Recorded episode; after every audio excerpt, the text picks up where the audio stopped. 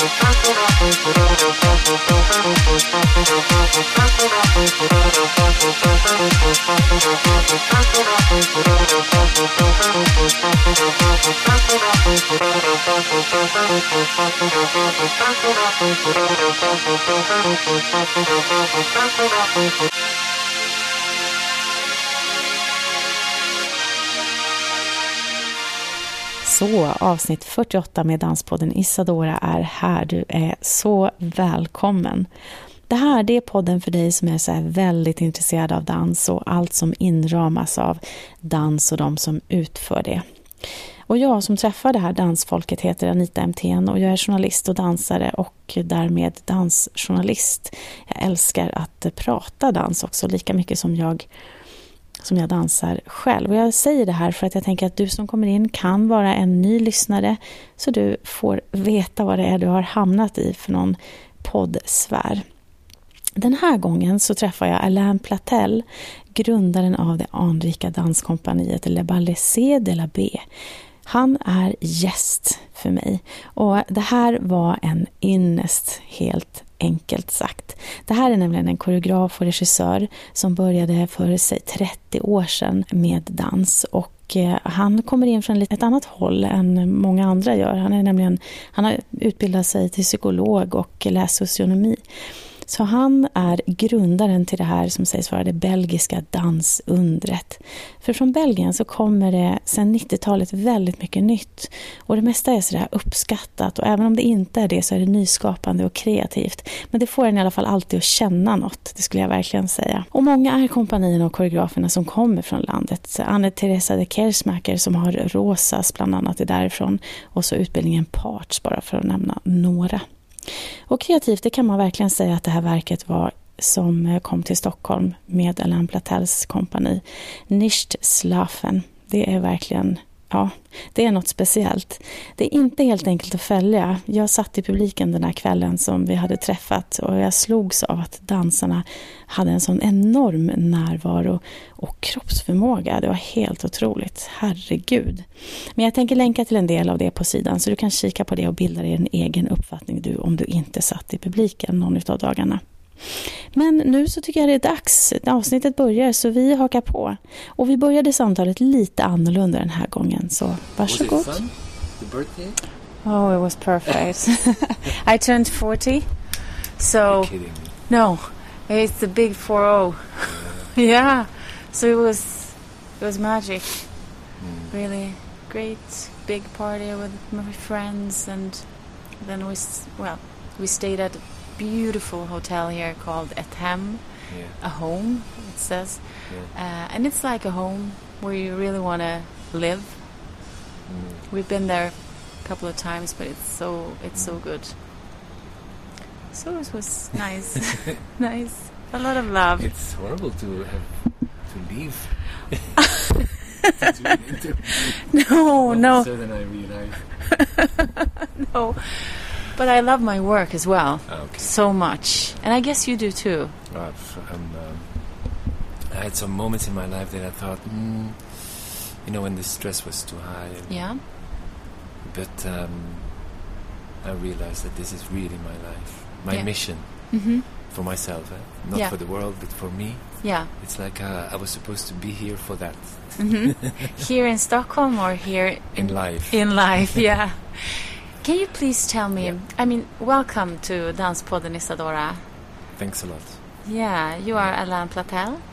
Is that how you say it? Yes. Yeah. Yeah. From the dance company Les Ballets C de la B. Yes. Exactly. Yeah. yeah. Uh, and uh, can you please tell me about yourself and your company? Just a um, recap for all, all our listeners. Um, yeah, yeah, yeah. It's a, it's a it's a long uh, but also a strange story because you know I was um, um, um, I studied psychology and pedagogics and didn't have any ambition to become a theater director. Mm-hmm. But uh, in the 80s, with some friends and relatives, we, we made little performances just for fun. And um, and some people saw it, invited it to their venue, and little by little, we grew and that's how I today arrive in Stockholm hmm with Nichtschlafen. Yeah. Um, so the the story is uh, is uh, 30 years old already, Yeah. and uh, it's amazing. Yeah. but uh, but um, I still like it very much, and I think even more and more yeah. because um, I feel privileged to be able to meet extraordinary people who are willing to share parts of their lives with me. hmm Because you know, I, I, um, I like to work with people who like to move, but I'm not a choreographer, so I can never show them hmm what to do, and so I'm depending on what they want to Express. express and Mhm. share with me. And uh, that's, a, that's a huge present Yeah. every time again. A lot of choreographers and dancers that I talk to, they, they think you are so meaningful and, and that you have done so much um, in your area. They think you're really important. Wow, Yeah. that's nice to hear. yeah. I'm not conscious about that. no? No. But how do you see other, I mean, dancers and, and choreographers? How, do you choose to work with people or do people come to you? Um, it goes both ways. Mhm. Of course, there are people who are interested to work with the company, and depending on the moment where we are, Mm-hmm. I can invite them to join eventually an audition, but I'm, I'm, I'm organizing it very rarely because Mhm. most of the people that I work with, I, I meet in a more spontaneous way. Mm-hmm. You know, because you, when you're on tour, you meet people or people talk about other people, and so uh, things are happening. Some of the encounters have have been remarkable in the way of how I met certain people. But in general, um, it goes uh, quite smooth. I think uh, when I when I organize auditions, Mm-hmm. then um, it's all already something very particular because you, you know I cannot just open it for everybody. No. And um, nowadays, because people can send some images Mm-hmm. by internet, you can already make some sort of a selection. So the auditions are always um, with a with a rather small group of people Yeah. that I already uh, saw on whose work I whose work I saw on on the internet. Yeah. So that's a good thing. But at the same time, it's a dangerous thing also because you're never sure. No. But it helps to prevent that you are confronted with too large groups. Mhm. Because it's true that not only me, but dance in, in Belgium is quite, uh, contemporary dance is quite popular. So Yeah. many people come from all over the world to, to try their chances. At parts or Parts with uh, Anne-Teresa in Mhm. Rosas, Yeah. or with Wim Vandekeybus, Jan Fabre, Mhm. Meg Stuart. Yeah. I mean, there are so many, Le Sidi Larbi Cherkaoui, hmm Peeping Tom. There are many groups who are making interesting work. Why is it is it so so huge in just uh, in your country? In, in Belgium. Yeah, in, in Belgium. yeah. Um,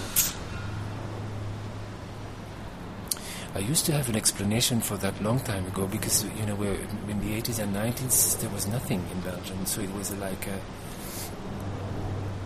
a terrain vague, how they say in French. You know, nothing existed except for Béjart and some old-fashioned uh, classical ballet Mhm. in a small company. Mhm. Um, so everything was possible. There was no money.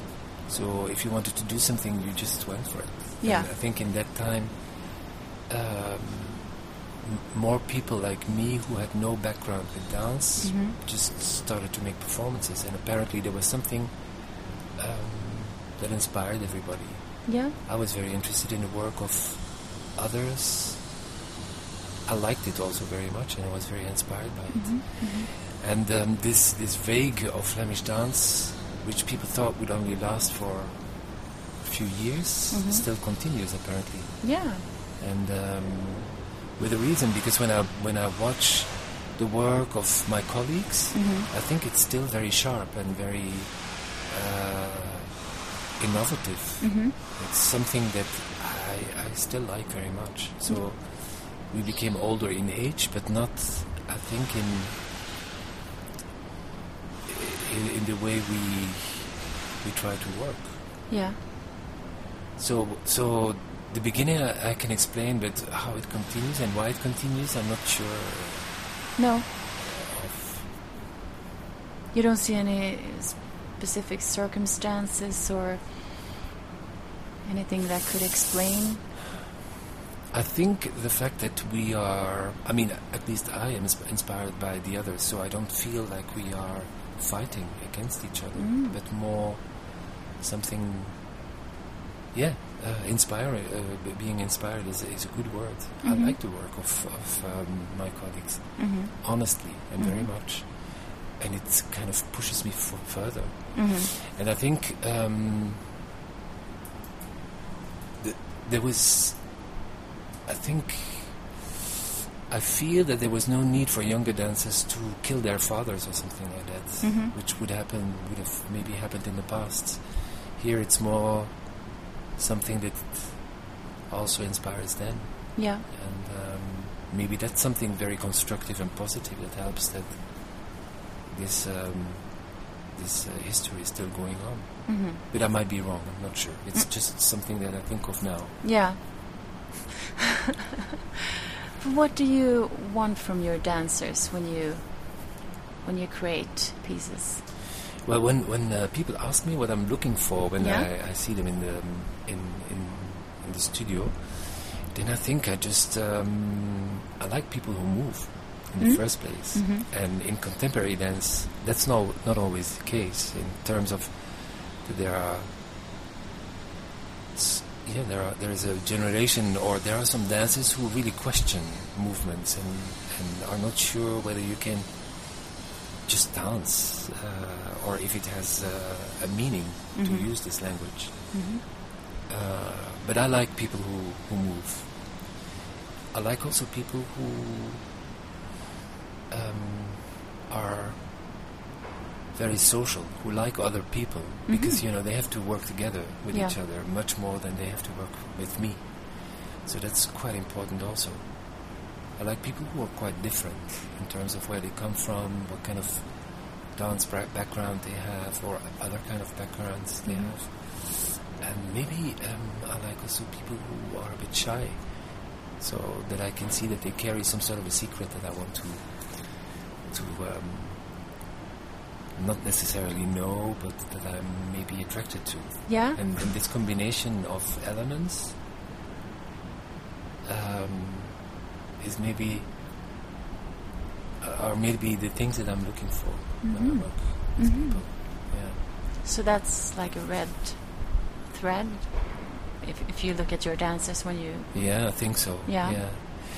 And then, and then, of course, when they are then when when they are in the studio, um, they yeah they should be prepared to be a lot on their own in, Mhm. in their minds. I mean, I Mhm. mean the the we, we work in the first place uh, on long improvisation moments Mhm. and uh, there's a long period in which it's really unclear what we are going to Mhm.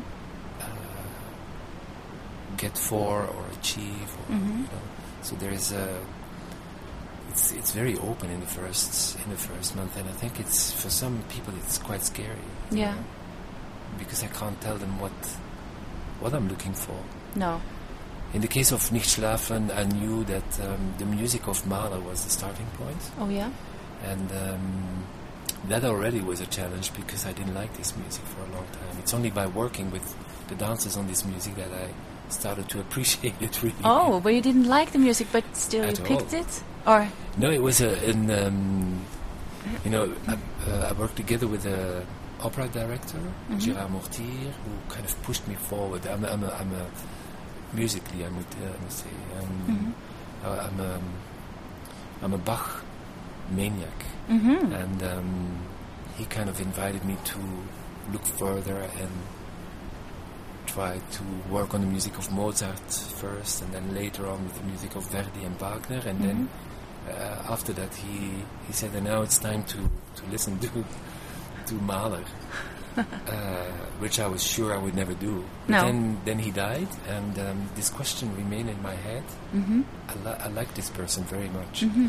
So I knew that when he left me with a, a message, I should take it seriously. hmm And it's uh, it's um, it's only when I started to read about Mahler and, and, and about the period he lived in, and I Mhm. started to read uh, historic books written by Philipp Blom, who, who, who is, could describe this this period very well. That I I got attracted by not only the period in which Mahler lived, but also by his art hmm and then when when we we when I when I when I got the group of dancers together with whom I wanted to work, and I knew I wanted to work also with uh, Berlinde De Bruyckere, who is the Mhm. one who made the, the set. hmm She's a, a, a sculptor, how do you say, a visual artist, Okay. Yeah. and um, whom I knew uh, for a long time, but never worked together with hmm that all these elements came together and um, made it clear for me that there was something very exciting to discover In the music, or in the music, through the set, Yeah. and with the dancers. I Mhm. think, Mm. yeah. so, what did you not like with Mahler? Um, the whole romantic, the, you know, it was the end of, of uh, romantism, ro- Yeah. romanticism, Mhm. and I didn't like this romantic atmosphere of the music, Mhm. together with the fact that all of his, especially his um, his symphonies, they sounded very eclectic, which means that there are so many different things happening yeah. in the music that Mhm. I I didn't think it would be possible to use it as a uh, a trigger to make a dance performance Mhm. with. Um, and maybe I was also I had some prejudiced feelings about himself as a person. You Mhm. know, he was described as a very unlikable, Oh. very authoritarian, harsh, uh, stubborn person who who was very unhappy in his marriage. You know, all these things. I I thought like, leave it. I don't need this story But you like Bach? very much. Yeah, Yeah. and why? That's always so difficult. You know, as easy it is to describe why I didn't like the music of Mahler, it, it for me is very difficult to explain why I like Bach so much. I think I've, I've uh, heard the music in my life on so many different circumstances, Yeah. happy and sad moments, and it always worked. Um,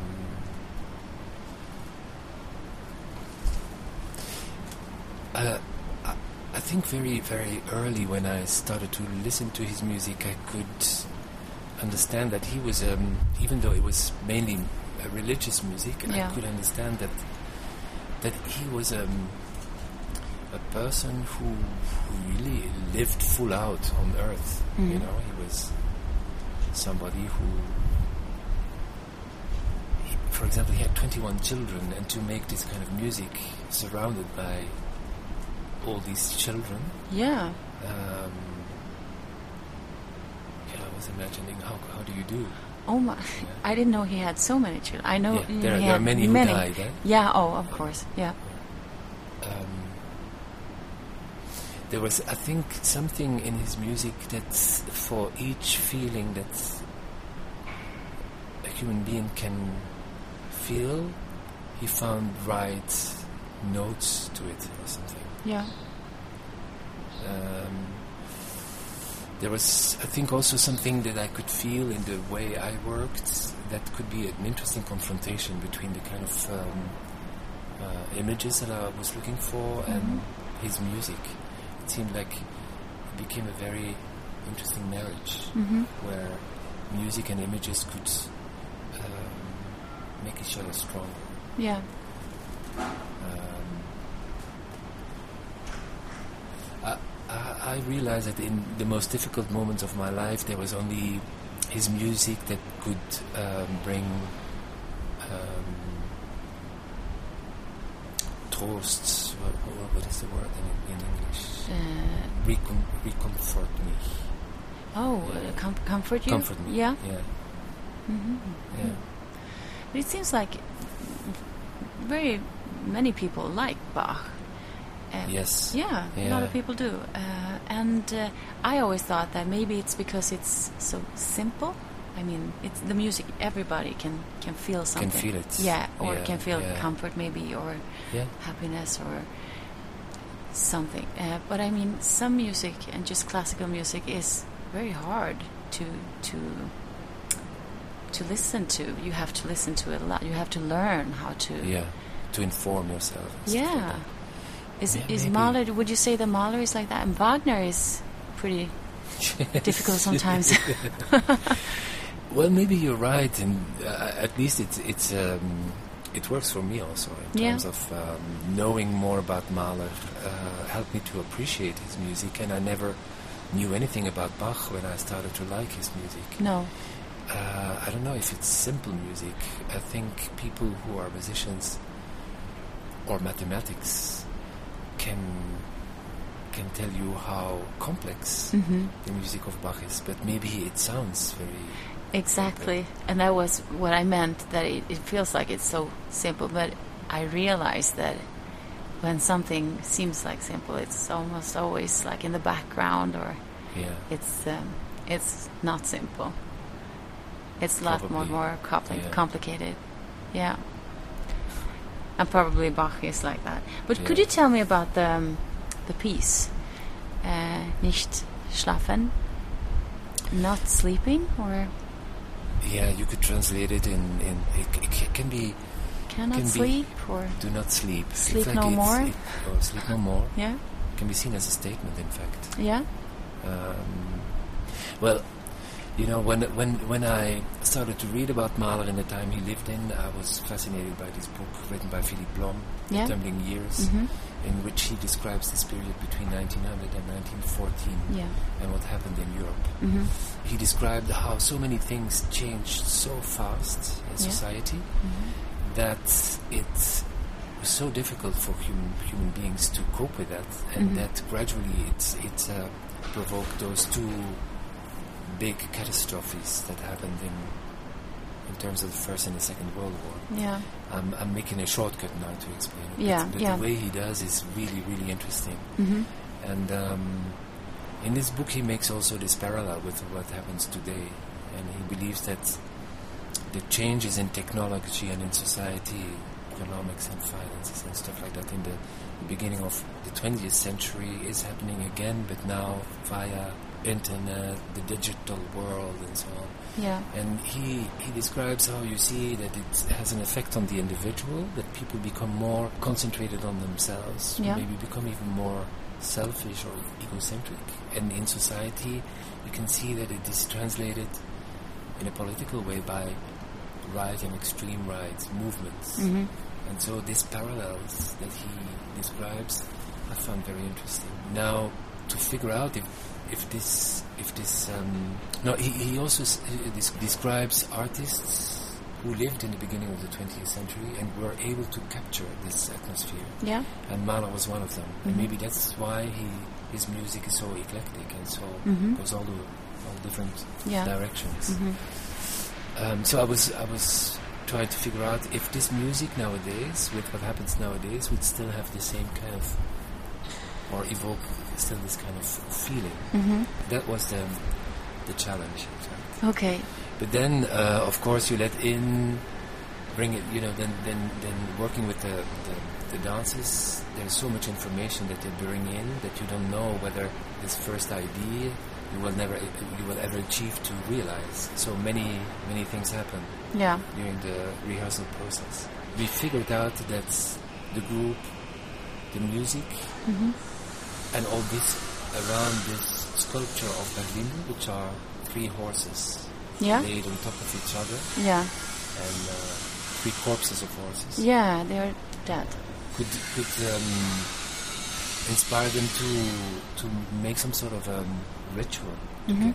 hmm The horses of, of uh, Berlinde are important hmm because they refer to a metaphor that she wanted to create around the, the, the First World War. Yeah, You know, it was something that for her, the corpses of horses were the right metaphor to hmm evoke War in general and the First World War for her Yeah. in particular, Bes- because there are so many images that exist about the First World War in Flanders, because we were like the center of this war, Yeah. where you can see dead horses. Everywhere or It was um, well, the First World War ended in a very small part of Belgium, in the north of Belgium, yeah. and um, when you see pictures of what happened there, then the horses are very present. Yeah. So that's all the information, and then and then you you know with all this material you start to make little combinations about uh, with, with the material that you see, and with these combinations you start to write a scenario. Mm-hmm. Um, you develop a dramaturgy, and at the end, at the premiere, there is there is a piece. Mm-hmm. It's, that in the beginning maybe I didn't quite understand yet, but by by doing it, I can feel that it's right. Yeah. What happens there? But your thought from the beginning and now the piece, do you, has it changed a lot?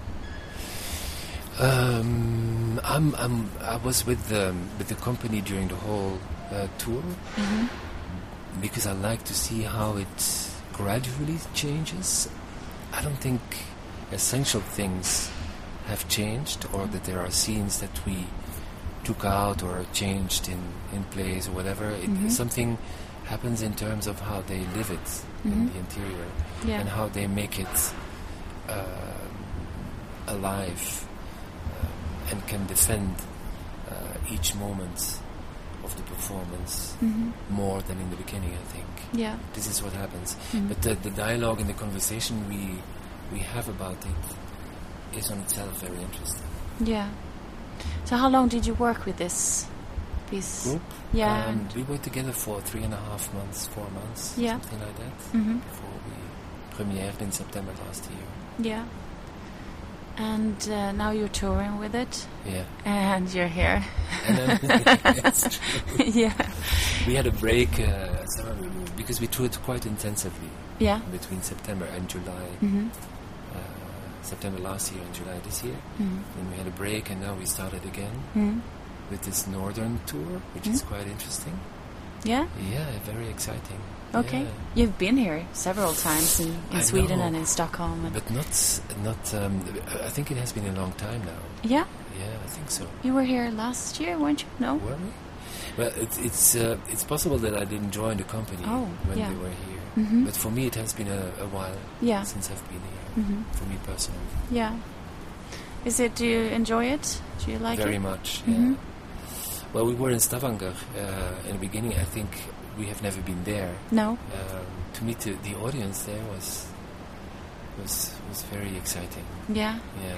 What Same thing in Oslo. Yeah. The reactions to this piece. How, how are they? I mean, it's Um, pretty violent, isn't it? I mean, in the, Yeah, it's a harsh and violent piece. Yeah. I agree. And for Mhm. some people, like I remember in Stavanger, some people really had big problems with that. yeah. And I think wh- wherever we come, it, it happens that people cannot stand it. Because uh, maybe because also the, the piece really starts with a very violent moment, and you Mhm. carry this this atmosphere with you as an audience throughout the whole performance. Mm-hmm. So you're expecting something even worse happening Hmm? later on in the performance. So it's it, um, for some people it's quite intense to live this, Yeah. but there was no other option for us. It's No. something we discussed so intensively. But do the dancers get hurt? No, you cannot make a performance where you risk that the dancers, where the, the risk is high that the dancers are hurt. Mm-hmm. Uh, you know, if they have to, they, they performed it more than a hundred times, you cannot take this risk. No. We have no uh, doubles. You know. No. Oh. It's, Oh. it's, um, Isn't that a risk? it is, yeah. Yeah. I it mean, even in, in any performance. Sorry. Yeah. Ah, in a performance in yeah. general. Yeah. Yeah. Yeah, yeah, yeah. Mhm. It is. Yeah. But this is the way I worked. I never, you know, I, I make a performance with a group of people, and um, we perform it for a year, two years, Mm-hmm. and then it stops, and I never uh, replace people or uh, I never take old pieces back with other people. It's for me something impossible. Mm-hmm. It's every piece is made with a certain group of people in a certain period, Mm-hmm. and that's it. Mm-hmm. but but um, to avoid any kind of um, risk, we of course have to be very careful and Yeah. um, work a lot to avoid all these risks and, and, and talk. They have to they have to talk a lot between each other on how to how to manage. hmm Yeah. So, wh- why do you want people to see this? I don't uh, I don't know if I want people to see this, but I hope that people who decide to come and see the performance that they live um, a beautiful, intense, fulfilling moment together with the, the performers. Yeah. And um, if it stays with them and inspires them in any way, which I think happens quite frequently because that's the kind of feedback that we get also. hmm This is a wonderful achievement. Yeah. And you you worked for 30 years, did you say that? In the business or in Yeah. yeah. What do you see ha, has it changed in any way? I mean um, as the society changes also as Well, already on the, on a practical side, I remember when we started to to to make performances, there were only like a few companies in Belgium who Mhm. tried this and um, who did it without any kind of financial means or support.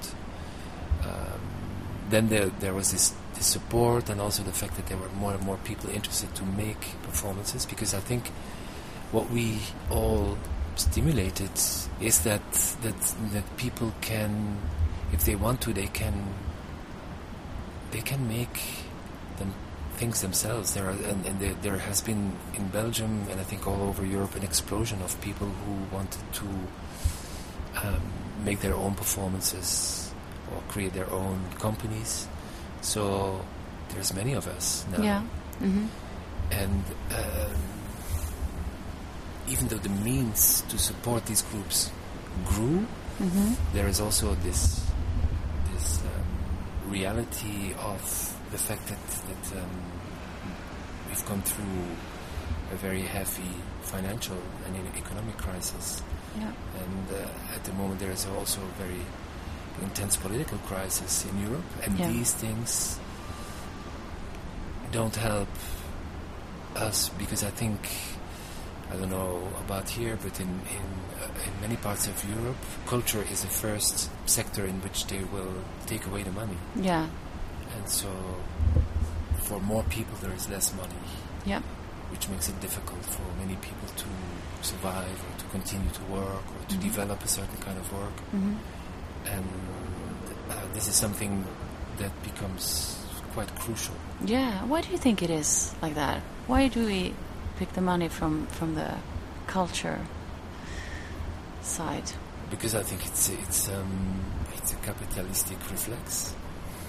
Yeah. I cannot describe it otherwise. No. and um, it's also a reflex of of, um, of right movements. This is, these are the things that happen. So it's also a sign that things are getting worse.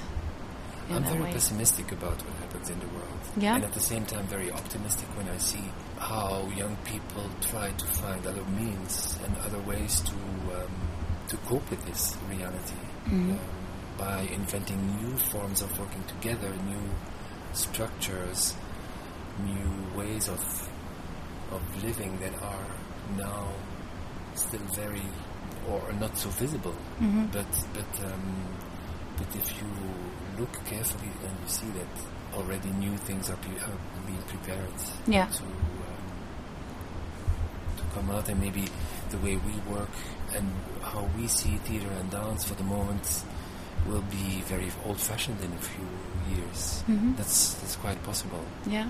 and for me that's fine. But do you see any trends since you're?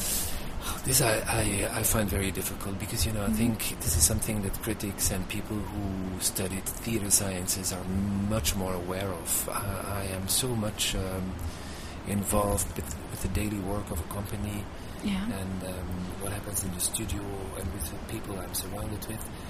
And uh, I do see uh, other performances, of course, but I cannot uh, reflect on that on, um, in a good way.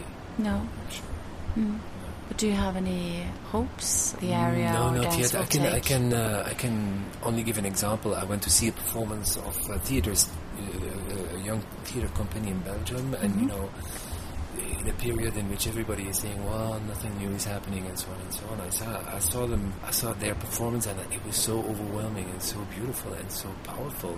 In what way? Um, this I can't describe. You should see it because Okay. it, it, it's it's just the way that they- not only as a collective they were there on stage and how they defended a quite difficult work in a way that I think was quite extreme and um, think many people were not used to see. okay. nowadays What happened? that uh, that I think um, made me feel immediately like, wow, this is very hopeful as a sign. Oh, good to hear. Because dance is always like not so prioritized, or it's. Um, I think that maybe Here or, or everywhere? um, if you look at the cultural genres with theater Oh, yeah, and yeah, art yeah. and uh, literature and maybe music as well, Mm. everything is almost always dance comes maybe not last, but if, when you look at the money they get and and so on. It's true. Yeah. And why is that? Maybe people think it's, especially contemporary lens it's, it's too difficult, or they don't know. I don't know. No, I'm not gonna make. I'm not gonna say stupid things. I have no idea. I have no idea. No. I, I can just say that that uh, I feel very privileged because Mhm. you know after all these years, um, there is um, I can feel that that um, there is a lot of people really interested in the work we present Yeah. Because we we wouldn't be able to to make touring trips of you know or a tour for a year and a half with a performance. hmm Um, and if I compare to other companies, then then it's then it's a privileged situation. Yeah. But it, it must be something that you do uh, that makes people so interested and, and they want to come and see. I've been to several of, of your performances here uh, during the, the years, maybe last 10, 15 years. And uh, there are so many people there. And always, like, everyone wants to see it. Do you know why? I think the reaction I get the most is that uh, people feel people feel Yeah? people who come to see the performance they feel something very strong. Apparently, the the, the dancers are in a sort of state in which they perform, which is uh, extremely generous towards an audience, very provocative, but in a positive sense. You know, Mhm. they provoke emotions. Yeah, the, the, I think the sentimental and emotional um, factor is is something that people talk about very often when Yeah. they when they see the performance, and that uh, dance is not only formal or cannot is not only something that can be expressed in a formal way, but can also be lived very intensively, and that this kind of living of the of the dancers on stage has a big effect on the on the audience. Mhm. I think that's one of the things that I hear quite often. Yeah. So when people leave the performance, they, they kind of have to have a drink or something Yeah. to digest yeah. what they saw. Well, I like this very much because you know the theater for me, or the, the theater is a place where you can show this kind of urgency. Yeah. It's not necessary, but I feel like um, I like to go for that. Mhm. And um, and apparently there are many people who, when they come to theater, they want to live something intensively also, Yeah. and not only be triggered in a rational way. They don't only they, they do not want to only think when they see a performance. They want to feel. Mhm. I don't know if that makes sense, to be honest. I think so. I know people who, who wants to see your works because um, and they don't usually see dance, but they want to see that. Really? Yeah. Yeah. So and do they explain why? They think it's funny. They like they like what they see because they, they feel uplifted or something like that. Yeah. Yeah, and also great dancers. That's true. This is really something I feel very privileged by. hmm Um, I think we, we of course, because there is a dialogue between them and me, and so we, we kind of make each other stronger or something. But Yeah. but um, but every time, you know, there there is something happening in the making of, of these performances that always surprises me. It's you know you you you I know I have this responsibility. I know where I have power, where Mhm. I can use it, where I have to be careful, and so on and so on. and I know at the end I'm the one who decides. Mhm. Uh, but it's always in dialogue with the people I work with because I cannot stand to see people on stage who cannot defend something. No.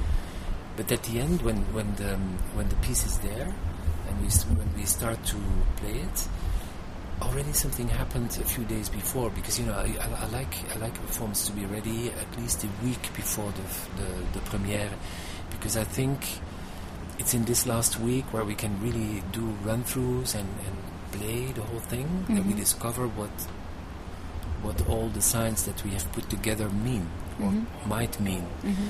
and it's in this period that that I can feel that the dancers who have been taking all this information coming from me and from each other start to integrate and they get into some sort of a state in which they interpret what they do in a way that I could never direct Mhm. myself. It's Mhm. something that that it's like the moment of what I call the moment they take over, and Yeah. that's the the magic moment because there there you can just sit back and become part of the audience and be surprised by how they make uh, all these signs alive. Mhm. Do you know if they are nervous when you are in the audience or when you're with them on tour? No, um, because I'm there from the beginning. They got used to it. Mhm. I, I think I, w- I never, you know, I try not to be too visible. I, w- I would not be on the first row, for example, Okay. because this I think might just distract them. yeah. They wouldn't be afraid, but it might just distract them, Mhm. And I would feel very uncomfortable myself also. Mhm. But I ask them on um, many occasions if it bothers them if, if I'm with them, because it's quite unusual that somebody stays with the company for Yeah. the whole tour. Mhm. And they uh, tell me they they really like it. They do. Yeah, Mhm. they feel encouraged or or curious when I would think about the performance. Yeah. Yeah, it's quite it's quite relaxed. It's good. You're not too hard on them. Or I don't think so. no? No, I'm described as a uh, as a quite nice person. and and I find it very difficult to be authoritarian or Yeah. you know I, I, I hate conflicts. I Mhm. would never go for for conflicts. I love compromises. Mhm. And um, yeah, I can imagine very much how it must be, how fragilized people are when they when they are invited to to make a performance. Yeah. They they they become very fra- fragile, Mhm. and I respect that very much. Uh, I will never abuse them um, Mhm. in any way. I feel I've never felt the need to do something harsh on them No. it always is possible to yeah, to talk with each other and find good solutions. Yeah. Which doesn't mean that people, when they are going through this whole process, that everything is peace and love. Eh? I mean, they go through very, very harsh and difficult moments Yeah. when they are confronted with their own limits or things that they don't want to see. Mhm. But I think uh, what, what, what I try to do from the from day one is to create in the studio a certain kind of atmosphere in which they feel confidence and Yeah. that they can that they feel they can show and do anything they would like to and will never be judged on that. Mhm. Yeah, you sound like a very good director. Not sure. So my my last question is the future. What do you see in the future? What are you what are your plans? We are now starting with a new project, Mhm. um, which is a continu- continuation of uh, the work I did with Fabrizio Cassol a few years ago. We made Kufatal, Fatal, which Mhm. was um, a music production uh, where we worked together with a Congolese group of musicians Mhm. uh, who interpreted mm, European Baroque music. And it was so much fun that uh, we wanted to continue to do something again, and then he, he started to work on the Requiem of Mozart. Mhm. So we were starting the rehearsals in October. Okay. Um, and then there are other projects in the future, but they're vague, and I take it one by, Mm. by the time. For me, at least, even though there were moments, as I said in the beginning, that I wasn't sure Mhm. if I wanted to continue this all the time or all my life. I feel now that I I am um enjoying it more and more. Yeah. And as long as there are good ideas, then I think I want to continue. And it doesn't matter how old I get. I, I just ask my my the people around me like to tell me if I'm starting to get boring or something, Okay. and they promised. yes, that's good. I talked to Akram Khan, and he mentioned you a lot. Uh, f- f- the, but the respect and the, the love uh, for his work is mutual. I Yeah. Like, I like- it's one of the choreographers I really appreciate a lot. yeah. Even though the work is very different from mine, you can feel. This is what what I like. You know, I like to see very different things, but if if I can feel there is the same kind of drive or something or passion or Yeah. to make things, then I will always like it. Yeah. But I'm sorry, I, I interrupted you. No, no, that was. Um, I just wanted to mention that because, uh, yeah, he talked so much about you and that he respected you very much and your work. Well, it's nice to hear. Yeah. and I feel so privileged to have met you finally because I've seen so much of your work Thank here. you so much. Yeah. You make me blush. But- But I'm I'm going to the um, to Dansens Hus tomorrow. It's the first here, isn't it? Tomorrow is the first. Yes. And you're doing Yeah. one, two, three Yeah. Nights or two. Two. nights. Oh, only Yeah. two. Yeah. Rush, rush, people, go and see. Don't miss this. But uh, thank you so much for your time. It's it was a real pre- pleasure. Thank you. Thank you. Thanks. Thank you so much. So Enjoy your birthday. Yeah, thanks. Ja, men tack för att du har lyssnat på det här 48 avsnittet av vår danspodd. Jättefint att du är med oss.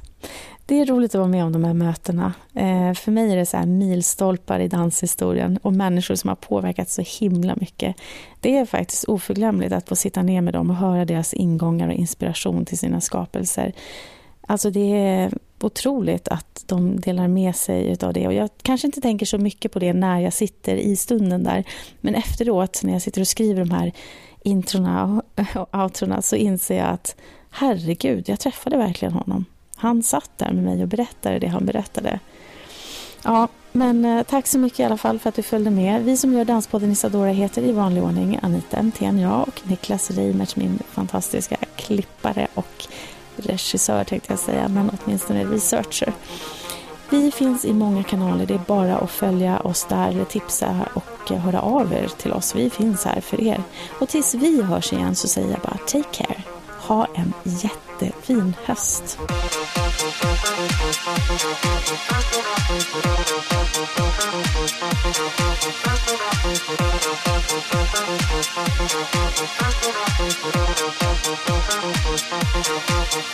Thank you.